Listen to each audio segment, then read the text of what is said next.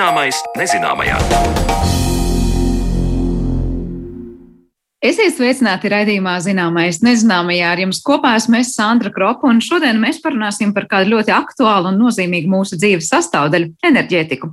Dabasgāzes un elektrības cenu pieaugums Eiropā no jauna aktualizējas debats par citu enerģijas avotu izmantošanu, tostarp kodolenerģiju. Vai atomelektrostacijas ir dārga investīcija potenciālā katastrofā vai tomēr labs un jaudīgs risinājums emisiju samazināšanā? Par to runāsim jau pēc īsa brīža. Tad arī skaidrosim to, kādu nākotni zinātnieki paredz atomenerģijas jomā tuvākajās desmitgadēs. Taču pirms tam uzzināsim, vai enerģija patiešām nekad nepazūd. Jau skolas gaitās fizikas stundās saskārāmies ar jēdzienu enerģijas nezūdamības likums. Tātad enerģija tā vienkārši neizgaist, bet kur tā rodas un vai varam visu enerģiju tādā veidā uzkrāt, ja reiz tā nepazūd? Cik sarežģīti tas varētu būt, par to interesējās mana kolēģa Mariona Baltkalna. Ja jums būtu jāpaskaidro jēdziens enerģija, kādus apzīmējumus jūs lietotu? Iespējams, kāds teiktu, ka enerģija ir tas, kas mums dod spēku. Kāds cits atbildētu, ka enerģija ir tas, kas kaut ko darbina, piemēram, automašīnu. Bet iespējams, vēl kāds piebilstu, ka pārāk daudz enerģijas mums dod lieko svaru.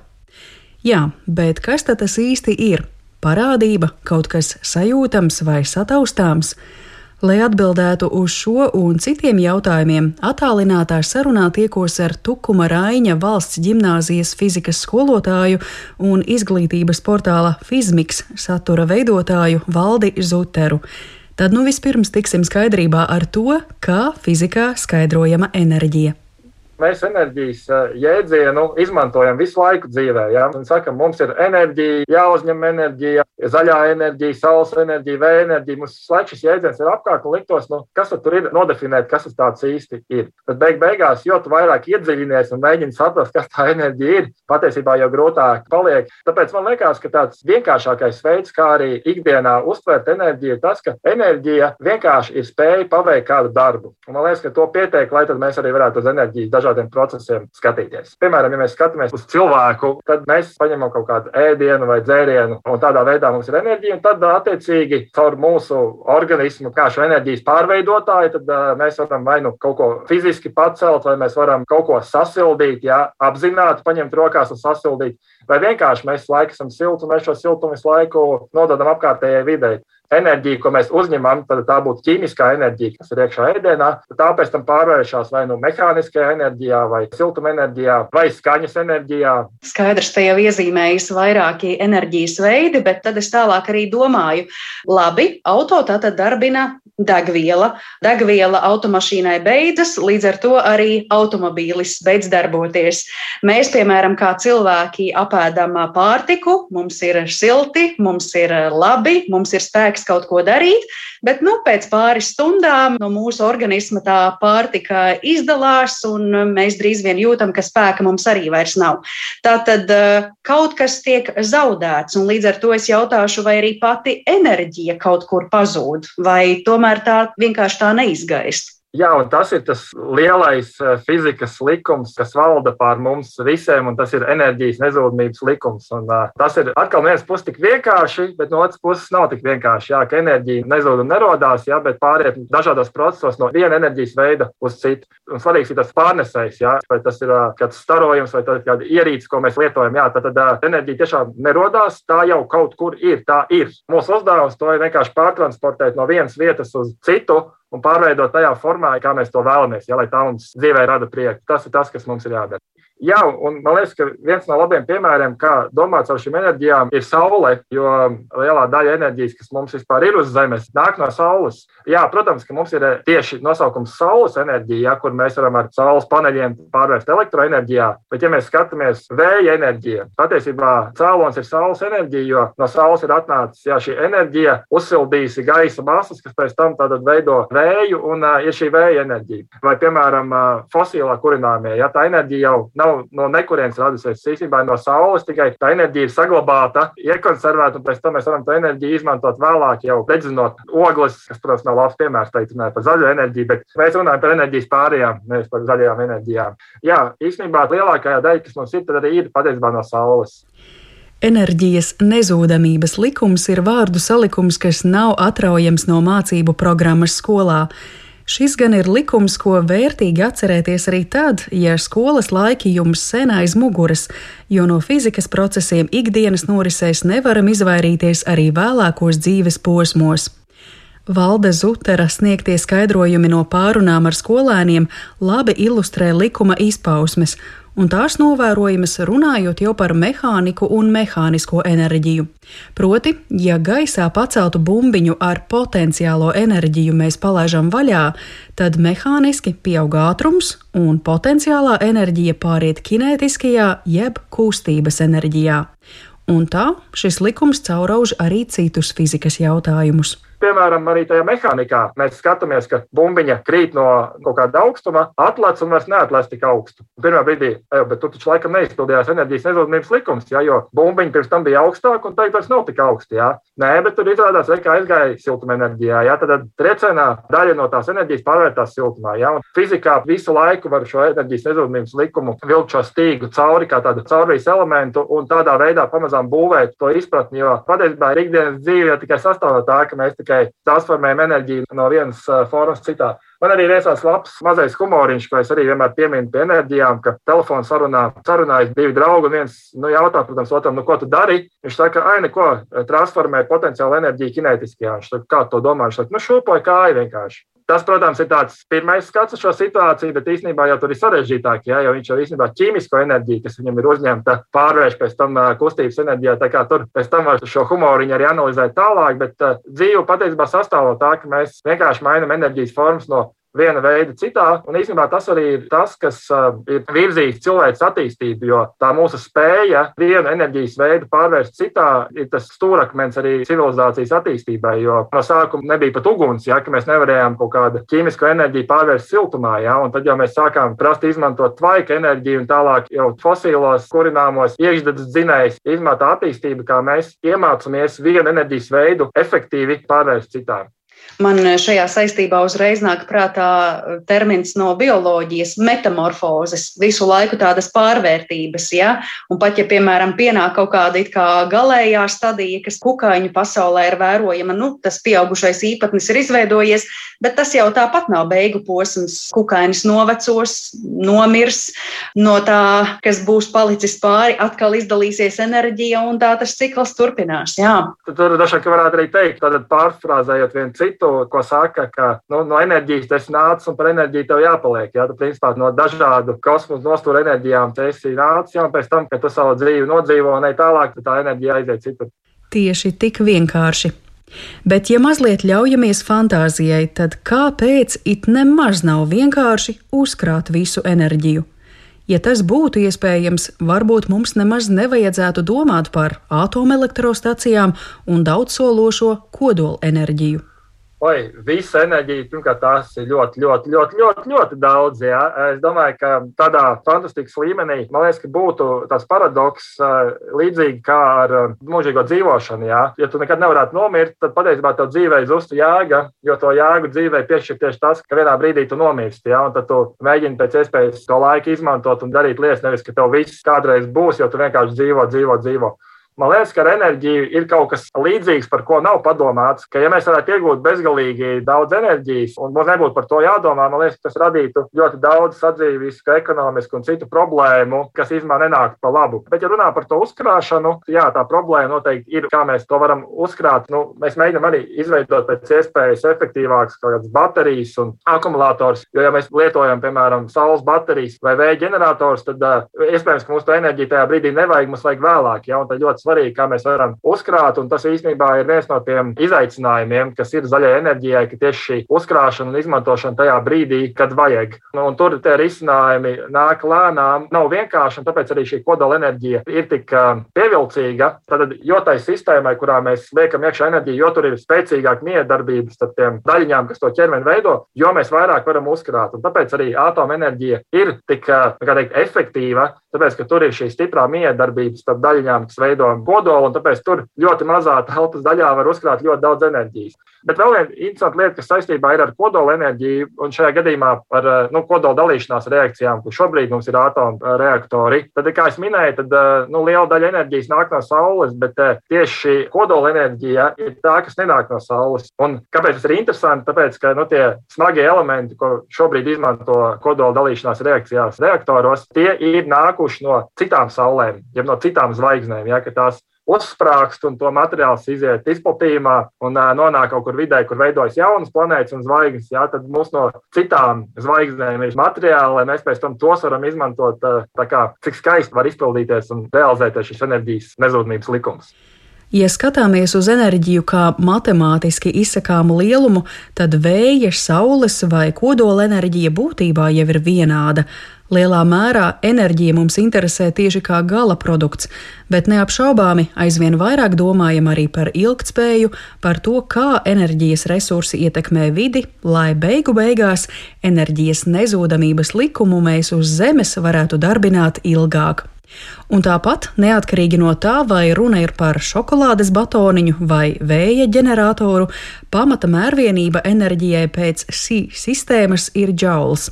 Bet te vēl kāda piebilde. Nu, protams, ka ir dažādas arī mērvienības. Nu, piemēram, elektroenerģiju mēs uh, mēram kilovatstundās. Ja, tad mēs nelietojam šo vārdu džauls, bet uh, tā ir vienkārši ierastāka vienība, ko mēs lietojam, tad, kad mēram elektroenerģijas patēriņu. Ja, bet, uh, tāpat mēs varam pāriet uz džauliem. Un īstenībā, jā, ja mēs mēram darbu vai enerģiju, vienā vai otrā veidā mēs tāpat varam nonākt līdz džauliem. Nu, tagad gan uz ēdieniem raksta arī jau džaulos un kilodžaulos, bet agrāk ir šī kalorija, ko lietoja. Un arī vēl aizvien, protams, ka saka, jā, cik tur kalorijas ir ēdienā, bet īstenībā to var pārvērst uz SI pamatvienībām, kas ir džauls. Jā. Nu, droši vien vienkārši kalorijas grūtāk varbūt sasaistīt ar vēja ģeneratoriem vai ar kodolsintēzes reakcijām. Jā?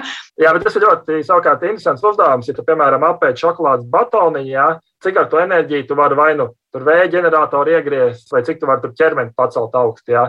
Tas, manuprāt, arī rada šo te, ka tu vari sākt būvēt to sasaisti starp vienu enerģiju un otru, dodot tādus, nu, pirms tam neiedomājams piemērus, kāds viens enerģijas veids transformējas otrā. Noslēgumā Valdis Zuters norāda, ka cilvēks tomēr ir komplicētāka iekārta, lai no viena enerģijas veida iegūtu citu. Līdztekus fizikālajiem procesiem pieslēdzas ķīmija un bioloģija, jo arī tad, ja kādu reizi nebūsim pēduši, kāds pēkšņi uzzināts priecīgs notikums mums ļaus tik daudz nedomāt par izsalkumu un nejust enerģijas trūkumu cilvēks tādā ziņā ir sarežģītāks. Tur nekad no rīta nevar zināt, kāds būs liederības koeficients. Viena enerģijas veida pārvērst par citu. Jā.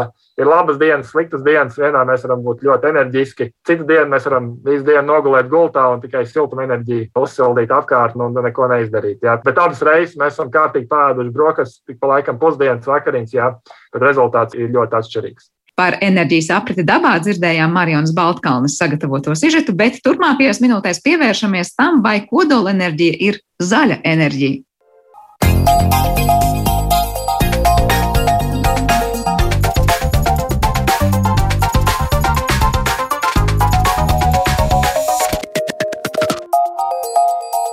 Zināmais nezināmajā. Enerģētikas krīze Eiropā radījusi karstas diskusijas par enerģijas avotiem nākotnē un atkal aktualizējies jautājums par kodolenerģijas izmantošanu. Eiropas komisija izteikusi priekšlikumu kodola enerģiju un dabasgāzi tomēr iekļaut ilgspējīgo investīciju sarakstā, taču pret to iestājas Eiropas vidas birojas. Turpmākajās minūtēs skaidrosim, kādus ieguvumus un kādus riskus rada atomelektrostaciju darbība un vai nākotnes kodola enerģija, kas šobrīd vēl ir izpētes procesā, varētu mazināt potenciālos draudus. Tāpēc sveicu mūsu attālinātajā studijā kodola fiziku un emeritēto profesoru Oļģertu Dumbrai. Labdien! Labdien! Tāpat arī Rīgas Tehniskās Universitātes vidas aizsardzības un siltuma sistēma institūta vadošo pētnieku Zintāru Jaunzemu. Sveicināti! Uh, labdien! Un biedrības zaļā brīvība pārstāvi enerģētikas un klimata eksperta Krista Petersona. Sveicināti! Labrīt! Varbūt es sākšu ar to, kā jūs vērtējat šī brīža situāciju, kurā mēs esam nu, nonākuši. No vienas puses mums pie durvīm klauvē apņemšanās mazināt emisijas, no otras puses enerģija ir neticamos apjomos sadārdzinājusies, un dažkārt liekas, nu, loģiski tur, kur tā ir varbūt fosilāka, tur arī tā cena ir augstāka, bet skaidrs ir tas, ka mums šo enerģiju jebkurā gadījumā vajag un vajadzēs arī tuvākajā laikā. Kā jūs šobrīd skatāties uz notiekošo situāciju, kā tādu pašsaprotamu soli, kas ved mums tuvāk varbūt atjaunojamo enerģiju lauciņam, vai tomēr kā tādu enerģijas krīzi, kur ir jārisina nu, pavisam citiem spēkiem. Uh, Krista, varbūt sākšu. Jā, paldies par jautājumu. Protams, krīze ir diezgan nepatīkams sitiens, kas skar daudz cilvēku, gan individuāli, gan, gan teiksim, tajās sabiedrībās, kur, kur tie dzīvo. Taču es domāju, ka tomēr tie risinājumi, kas jau ir iezīmēti pēdējos gados, tādā pārējā uz tīrāku un, un arī godīgāk sadalīt enerģiju, noteikti ir derīgi. Un tāpēc, eh, teiksim, lielākas investīcijas gan atjaunīgā enerģijā, gan arī tieši energoefektivitātes pasākumi ir tas ceļš, kas kāds risinājums varētu piedāvāt arī jau tuvākajā desmitgadē. Mm, jā, varbūt dzīve. Nu, es teiktu, tā tad, tad, tāds mikslis no Covid uh, ietekmes un arī tādām ģeopolitiskajām varbūt lietām, jā, kas uh, nav tik saistītas tieši ar energosistēmas pārkārtošanos, bet nu, ar atsevišķu valstu iesaisti, teiksim tā tiek radīta šāda problēma. Un, uh, tas būtu viens aspekts, un uh, otrs ir skaidrs, ka šī pārkārtošanās, nu, tad, tad klimata neutralitāti nav vienas dienas uzdevums. Līdz ar to uh, arī šobrīd tie risinājumi, kas ir, uh, nu, mēs faktiski esam tādā īstermiņā mēģinām šobrīd, vismaz teiksim, Latvijas kontekstā, un arī citur uh, mēs mēģinām finansiāli pabalstīt tos, kurus varam, jā, teiksim, kas slīkst. Tad jebkurā gadījumā tas neatrisina kopējo problēmu. Tad arī vidējā termiņā un pat ilgtermiņā. Tad tas, kas šobrīd notiek, nu, ir sakritušas vairākas lietas, es teiktu tā. Tā kā sakritušas vairākas lietas kopā un nav tikai stāsts par ceļu uz energo neutralitāti. Uh, Oļģert, man jums jautājums arī, nu kā jūs komentētu šo situāciju, un, un tad pēc tam varbūt vairāk tieši par kodolu fiziku parunāsim un kodolu enerģiju. Jā, nu, ko es eh, varu teikt, ka diemžēl Eiropā nav vienprātības par šo lietu. Ņemsim divas Eiropas kodola lielvalstis - Vāciju un Franciju. Vācijā attieksme pret kodola enerģiju vienmēr bija slimīga, es tā teiktu, negatīva. Un Francijā otrādi. Francija uzskata, kodola enerģija ir valsts stabilitāte un valsts nākotne. Un tagad ir Vācijā tāds paradoks, ka pie, pie varas ir zaļie, un zaļiem būs tagad jāpiekāpjas Francijai. Un tas ir smags solis zaļajiem, jo tas ir pretī visiem viņu ieteikumiem. Tas ir viens. Tātad Eiropā nav vienprātības. Kodola reaktori ļoti daudzās valstīs Eiropā ir aktīvi un arī tiek būvēti. Tas ir atkal, atkal tāds, tāds jautājums. Un tā vēl es to gribu vēl pabeigt, ka te arī ir milzīga liekulība Eiropā vērojama. Tad, kad stājās, sāk darboties nesen Baltkrievijas eh, stacija. Viņa saucas Astravieca. Tā ir tikai 40 km attālumā no Lietuvas galvaspilsētas Viļņas. Un tad Tūlina Lietuva iesniedz protestu un aicināja Eiropas Savienības valsts nepirkt Baltkrievijas strāvu. Bet tai pašā laikā, apmēram pirms nedēļas, Lietuvas prezidents tagadējais saka, nu, es tagad paskatīšos, kur mēs savā valstī būvēsim kodolstāciju. Tā ir liekulība. Paši nezinu, ko grib. Par kodolstaciju, starp citu, jā, būvniecību vai eh, iekļaušanu, kā teikt, zaļo investīciju sarakstā droši vien arī atsevišķi jāparunā, jo es saprotu, arī Eiropas valstu, kā jau minējāt, vienprātības nav. Kā īsti šobrīd nāk, zinu, Krista par to arī rakstījusi pēdējā laikā. Nu, var teikt, ka šobrīd, tad, kad nezinu, esam sapratuši, ka jā, nu, mums vajag to enerģiju kaut kur dabūt, un enerģija ir dārga, tad tagad aktualizējas pēkšņi runas par to, ka kodola enerģija tomēr nu, būtu pieļaujama, vai tā ir tāda pārejas fāzes, varbūt enerģija un būtu akceptējama. Tāpat laikā, nu, vēl nesen runāja, ka kodola enerģija nekādā gadījumā nevarētu tikt uzskatīta par zaļo enerģiju, to tieši kodola atkritumu radošos dēļ un to, cik ilgi tie saglabājas. Kristi, kāda ir tā noskaņa un varbūt kāds ir tas redzējums? Jā, paldies. Un pēdējā laikā, protams, tās aktuāli, aktuālās diskusijas ir saistītas ar Eiropas komisijas priekšlikumu Eiropas ilgspējīgu investīciju taksonomijai. Bet jāsaka, ka šī teiksim, taksonomija vairāk raksturo teiksim, investīciju ilgspēju, kas paredzēta tieši privātām investīcijām. Tādā ziņā tā neierobežo valstu teiksim, iespējas investēt kādas enerģijas avotu teiksim, ieguvē un, un ražošanā, bet teiksim, nu jā, tas tā nosaka tieši šo zaļumu tādam privātu investīciju nolūkam. Nu, mēs, kā Zaļā brīvība, arī esam Eiropas vidas biroja biedri un, protams, piedalījāmies arī viedokļu sagatavošanā, kas iebilst pret kodolenerģijas iekļaušanu zaļo investīciju sarakstā. Un tas pamatojums varbūt ir ne tikai teiksim, kodolenerģijas oglekļa emisijas, bet tāds skatījums uz ilgspēju visā dzīves cikla periodā. Un, protams, saistībā ar kodolenerģiju tās ir arī kodola atkritumu apsaimniekošanas problēmas, bet arī augstās izmaksas. Un vēl nākamais punkts ir par to, ka tomēr kodolenerģija ir tāds ļoti tā ir sarežģīta tehnoloģija, un arī tas mūsuprāt nav savienojums ar to teiksim, priekšstatiem par tādu demokratizāciju pašas energosistēmas, kur mēs tomēr domājam uz izkliedēto mm, enerģijas ģenerāciju un vairāk arī tādu netik centralizētu energoavotu pārvaldību ilgtermiņā. Kas ir tas, kas padara atomelektrostacijas tik ļoti dārgas? Es nezinu, varbūt Dzinters un pēc tam arī Oļģert, jūs gribat pakomentēt par to, nu tad kā mēs šo enerģiju tur iegūstam, jo es saprotu, tas pirmais klupšanas akmens, protams, ir tas, ko mēs vienmēr sakām par šiem atkritumiem, kas rodas un tie, nu, ilgtermiņā nevarētu teikt, ka nenodara kaitējumu dabai un videi, eh, bet otrs aspekts vienmēr tiek minēts šīs augstās izmaksas. Dzinters, sākšu ar jums. Nu, ja mēs jautājām, beigās bija tās izmaksas, nu, tad kodola enerģijas, nu, teiksim, kapitāla uh, izmaksas uh, uz teiksim, uzstādīto enerģiju, enerģijas vai elektrības jaudu nu, ir 5 līdz pat 15 reizes dārgākas nekā saule vai vējš. Ja, teiksim, tās tīri tādām uh, priekšstatām. Un otrs aspekts ir, ka teiksim, šobrīd arī tā pati kodola enerģētika, nu, viņa ir nu, tā, tā, liels enerģijas avots, jā, tad, tad to, ko arī Krista minēja, ka tas nav teiksim, izkliedēts vai kliedēts. Jā.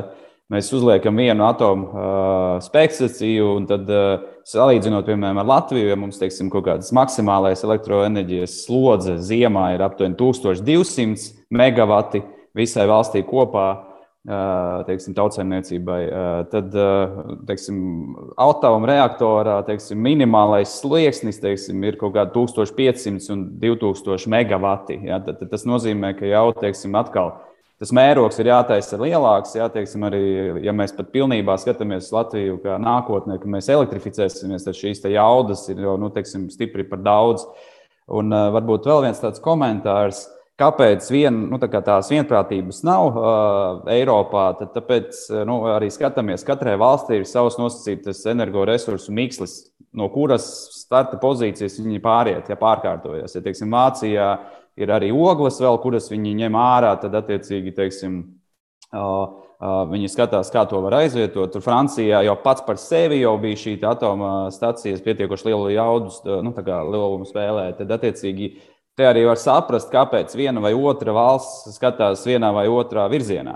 Bet uh, kopumā, uh, teiksim, tad, uh, vēl nu, ejot tālāk, tad šeit, nu, kas man vismaz kā nesot arī šeit ļoti iedziļinājies, tā, nu, tā kā profesors uh, kodola enerģētikā, tad, ja mēs ieslēdzam sliktākais iespējamais scenārijs ar atomreaktoriem, ir vienmēr būs sliktāks nekā, ja mēs paskatāmies citos virzienos uh, vai citās uh, tehnoloģijās. Un, un beigās, uh, ir stāsts par to, ka ne tikai atkritumi, mums arī jāiegūst šie izotopi, ja tie resursi, ko mēs piegādājam tai, tai stacijai. Ja, tad, tad te atkal veidojās tā situācija, ka no kaut kurienes mums viņi būs jādabū. Un tāpēc, varbūt, manuprāt, primāri būtu jāskatās uz tādiem enerģijas veidiem, kur mums nav jā, jā, jāgaida no kāda cita, vai viņš mums iedos, vai viņš mums viņus pārdos, vai mēs kaut kur viņus izraksim. Ja? Tad, tad varbūt tādā globālā skatījumā tas būtu pareizākais ceļš, bet arī jāsaka, nu, ka Diemžēl mums to enerģiju vajag, un daudzās valstīs arī šī atomenerģija ir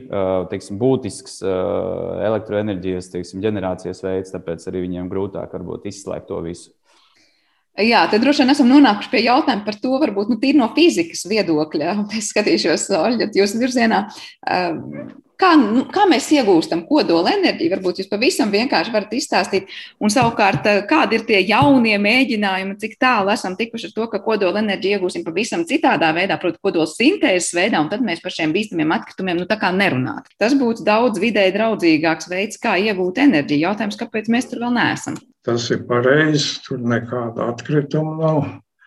Bet tā ir eh, pēc eh, man personīgām domām tā ir tāla, tāla nākotnes muzika.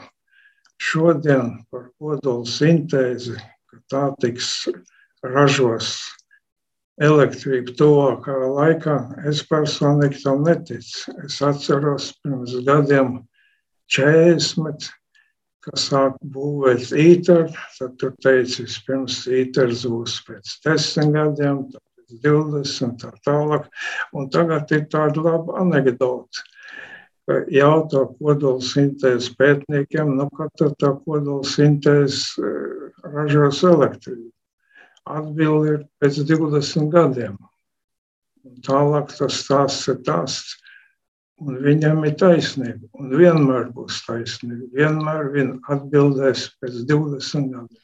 Kāpēc tā? Tas ir neiespējami, tīri tehnoloģiski. Tur ir kādi nu, šķēršļi, kurus nevar pārvarēt, vai kas ir par iemeslu? Tur, tur, ir, tur ir ļoti sarežģīta fizika.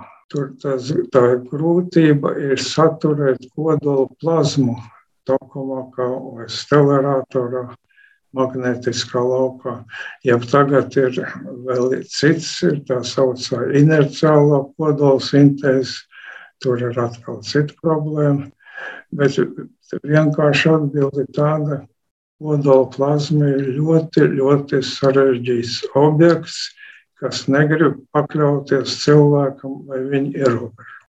Tas būtu tad, eh, nu, viens no skatījumiem, kas neliktu pārāk optimistiski skatīties kodola sintēzes virzienā, kā tiešām veidā, kas varētu nu, pabarot pasauli ar enerģiju tuvākajā vai tālākajā pat nākotnē. Bet eh, vai ir kas tāds, kas mainās tehnoloģiju ziņā, kas pie esošās kodola dalīšanās, nu, principa ļautu teikt, ka šie reaktori kļūst drošāki, vai mēs kaut ko esam mācījušies pēc eh, Černobiļas vai Fukušimas gadījumiem un teikt, tas vairs nevarētu notikt, vai tomēr tā ir bumba ar laika dēļ? Viegli?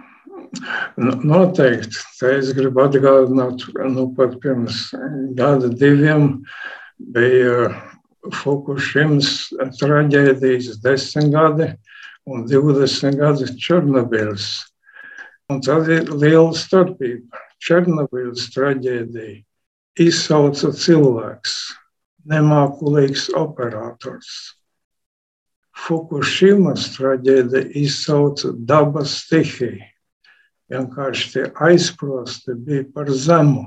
Būtu viņi būtu augstāki, nekas nebūtu noticis. Tā kā tās ir dažādas lietas. Un tagad, piemēram, mēs zinām, ka, ka Japānā ir pilns par, atkal runā par kodola staciju būve jaunu un tā tālāk. Bet eh, taisnība ir, ko jūs sakāt, ka varbūt ir pilnīgi dažādi iemesli bijuši šīm katastrofām, bet nu, skaidrs ir viens, ka mēs nevaram garantēt, ka tās neatkārtojas. Ne cilvēku kļūme, ne dabas stihijas atkal sevi nepiesaka. Vai nu, ir kāds veids, kurā mēs varam teikt, kodola reaktori tiek būvēti jaunie vai, vai nezinu, esošie, kā mēģināt pasargāt nu, maksimāli, lai pasargātu no dabas stihijām vai kā citādi? Vai tā ir vienmēr nu, cerība, ka kaut kas nenotiks? Es teiktu, tā, tā ir cerība, ka kaut kas nenotiks.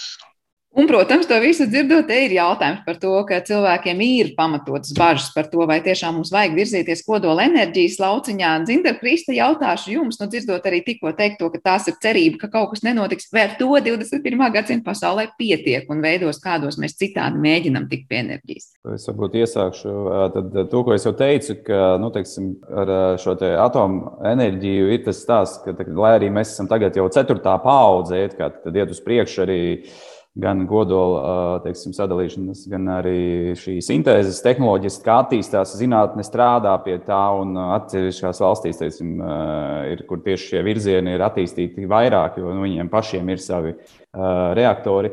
Saka, bet, nu, tad, tad, ja kaut kam ir iespēja kas saka, notikt vai nenotikt, tas noteikti kaut kad eh, notiks vai nenotiks. Ja, tad, tad, nu, tas ir kā mērfijs. Tad, tad, bet, lai arī teiksim, šīs te, uh, drošības uh, standarti ir ļoti, ļoti augsti, kas arī attiecīgi sadārdzina atomelektrostaciju būvniecību, uh, vienalga pastāv tās, tas brīdis, ka kaut kas tur var nu, notikt ne tā, kā bija paredzēts. Tad, attiecīgi, kas, kur mēs jau te runājam, ne cilvēks, ne, ne teiksim, automātika vai, vai, vai, vai šīs sistēmas nespēja visu nokontrolēt. Vai tā būtu plazmas noturēšana vai vadīšana vai, vai kaut kā tāda. Tad, tad ir šie ārējie un iekšējie faktori, kuri var teiksim, šo te darbību izbeigt. Nu, arī, ja mēs, piemēram, vēl paplašinām šo stāstu, tad ir viens energoavots, piemēram, iedomājamies, uz trīs Baltijas valstīm ir viena atoma elektrostacija liela, un teiksim, mūsu kaimiņš, nu, nesaukšu vārdā, izdomā kaut ko izdarīt. Mums viņš vienkārši vienā vietā trāpa ar savu raķeti, un mēs esam visi, kas saka,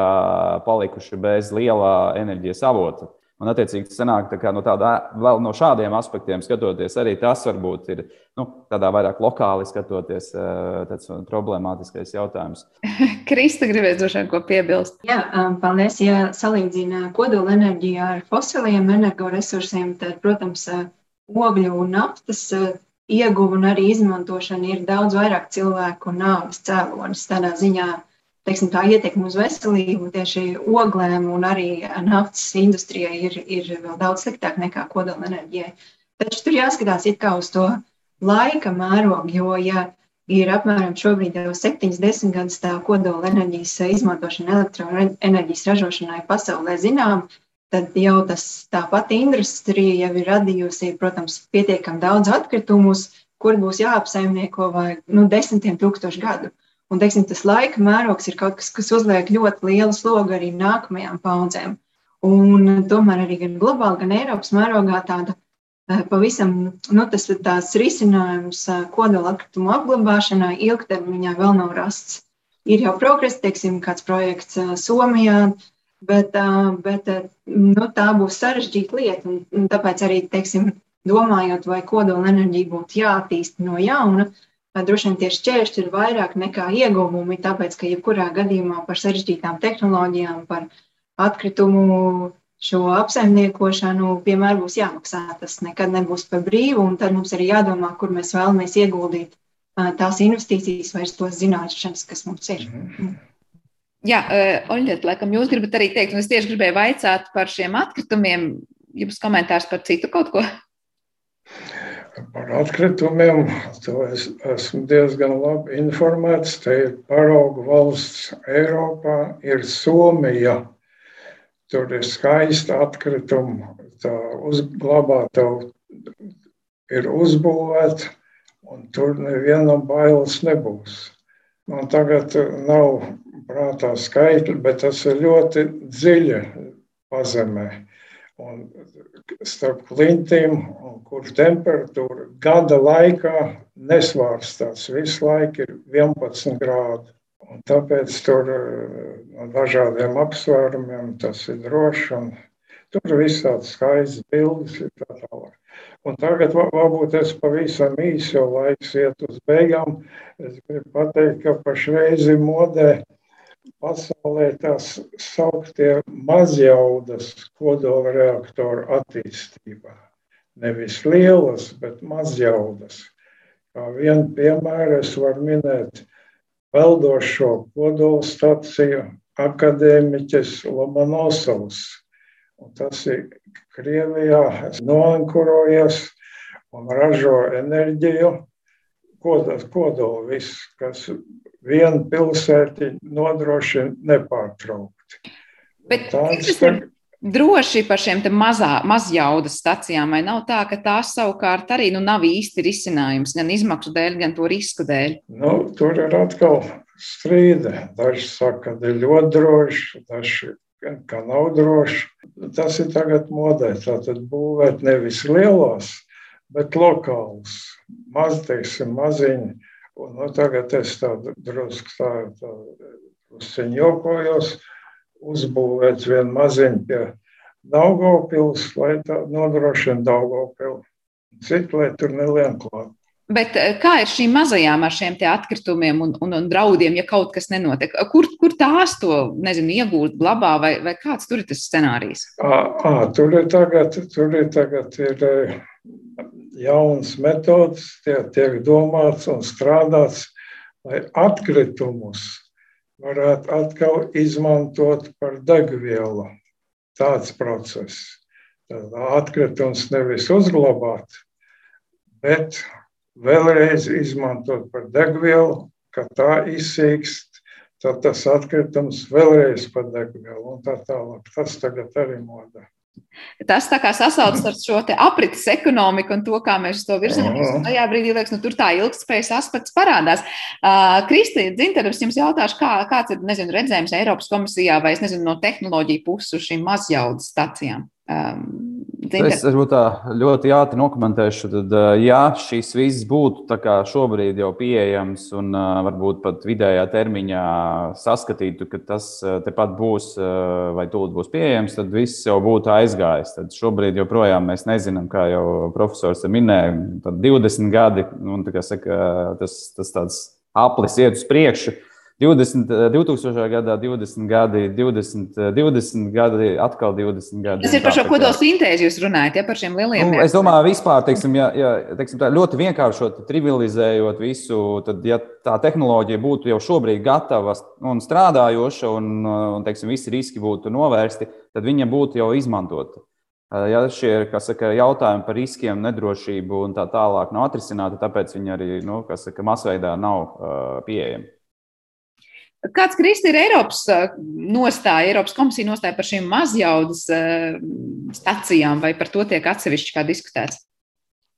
Jā, es varbūt varu minēt piemēru drīzāk no iebildumiem, ko pauda nesen četras Eiropas valstis, kas neatbalsta kodolenerģijas un arī dabasgāzes iekļaušanas priekšlikumu. Un tur varbūt kāds inters minēja tieši ir tas arguments, ka faktiski jau tādu labo piemēru vai tādu komerciālu uh, teiksim, pārņemamu tieši moduļu nemaz vēl nav. Tas ir atkal tāds, varbūt mēs tad pārāk balstamies uz tehnoloģisko izrāvienu, un jebkurā gadījumā tās investīcijas, kas arī būs jāiegūt tieši no publiskiem līdzekļiem, būs lielas saistībā gan ar apdrošināšanu, gan ar visu to infrastruktūras nodrošināšanu, lai ko tādu varētu sākt būvēt. Tāpēc Bet man šķiet, ka Latvijā noteikti ir nepieciešami zinātnieki, kas šajā jomā strādā, bet varbūt teiksim, tur var izskatīties Eiropas mērogā kā tādā, jo tā kodola eh, enerģijas industrija jau ir būtiska un tas, kas ir nepieciešams nodrošināt, lai esošie reaktori, kur sastopās ar problēmām un kuri kaut kā ir jāuztur labā stāvoklī un arī jāplāno to darbības pārtraukšanu, tieši tur noteikti ir vajadzīgs ieguldījums zinātņu un arī ekonomiski. Man liekas, tā kodola industrija to nevar ignorēt. Ar, ar to arī nevajag baidīt, bet, eh, bet tas ir jāskatās tā optimāli un jādomā, ka mums ir jācenšas eh, tieksim, virzīties tajā virzienā, kur ir tehnoloģijas saprotams lielākai sabiedrības daļai, kur mēs katrs varam kā pilsonis kopā ar, ar citiem cilvēkiem aktīvāk iesaistīties.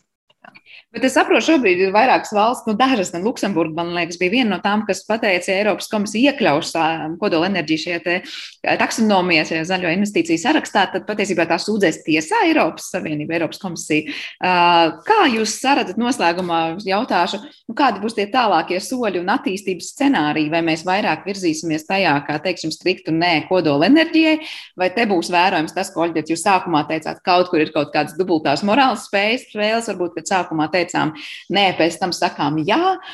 Vai te mēs esam tehnoloģiskā virzienā un tomēr darīsim visu, lai lai neteikt ne kodola enerģijai, bet mēģinātu to padarīt, es nezinu, pieejamāku, drošāku vai kā citādi, nu, cik nu var. Jā, labāku.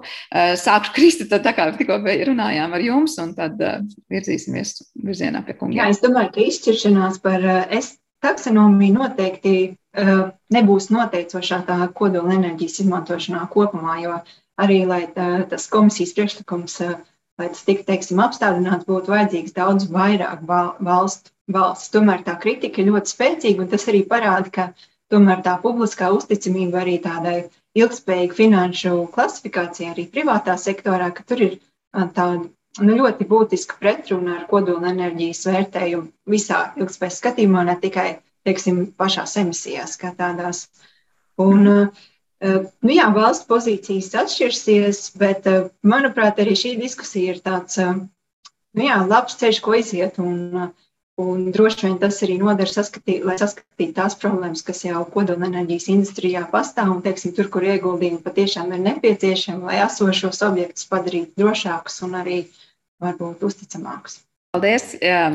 Oļģert, jums jautāšu, kāds jums tas skatījums, kas notiks tālāk, tuvākie soļi? Vai mēs virzīsimies uz to, ka tomēr to kodola enerģiju vairākas valstis pieļaus un teiks jā, vai tomēr būs tāda strikta nostāja, nē, mums to šobrīd nevajag, to risku? Es domāju, ka noteikti, ka būs jā, bet Eiropā kā vienmēr valstis strīdās, un tagad Vācija apsver sūdzēt tiesā to, kas, kas grib to kodola enerģiju ieskaitīt pie drošām.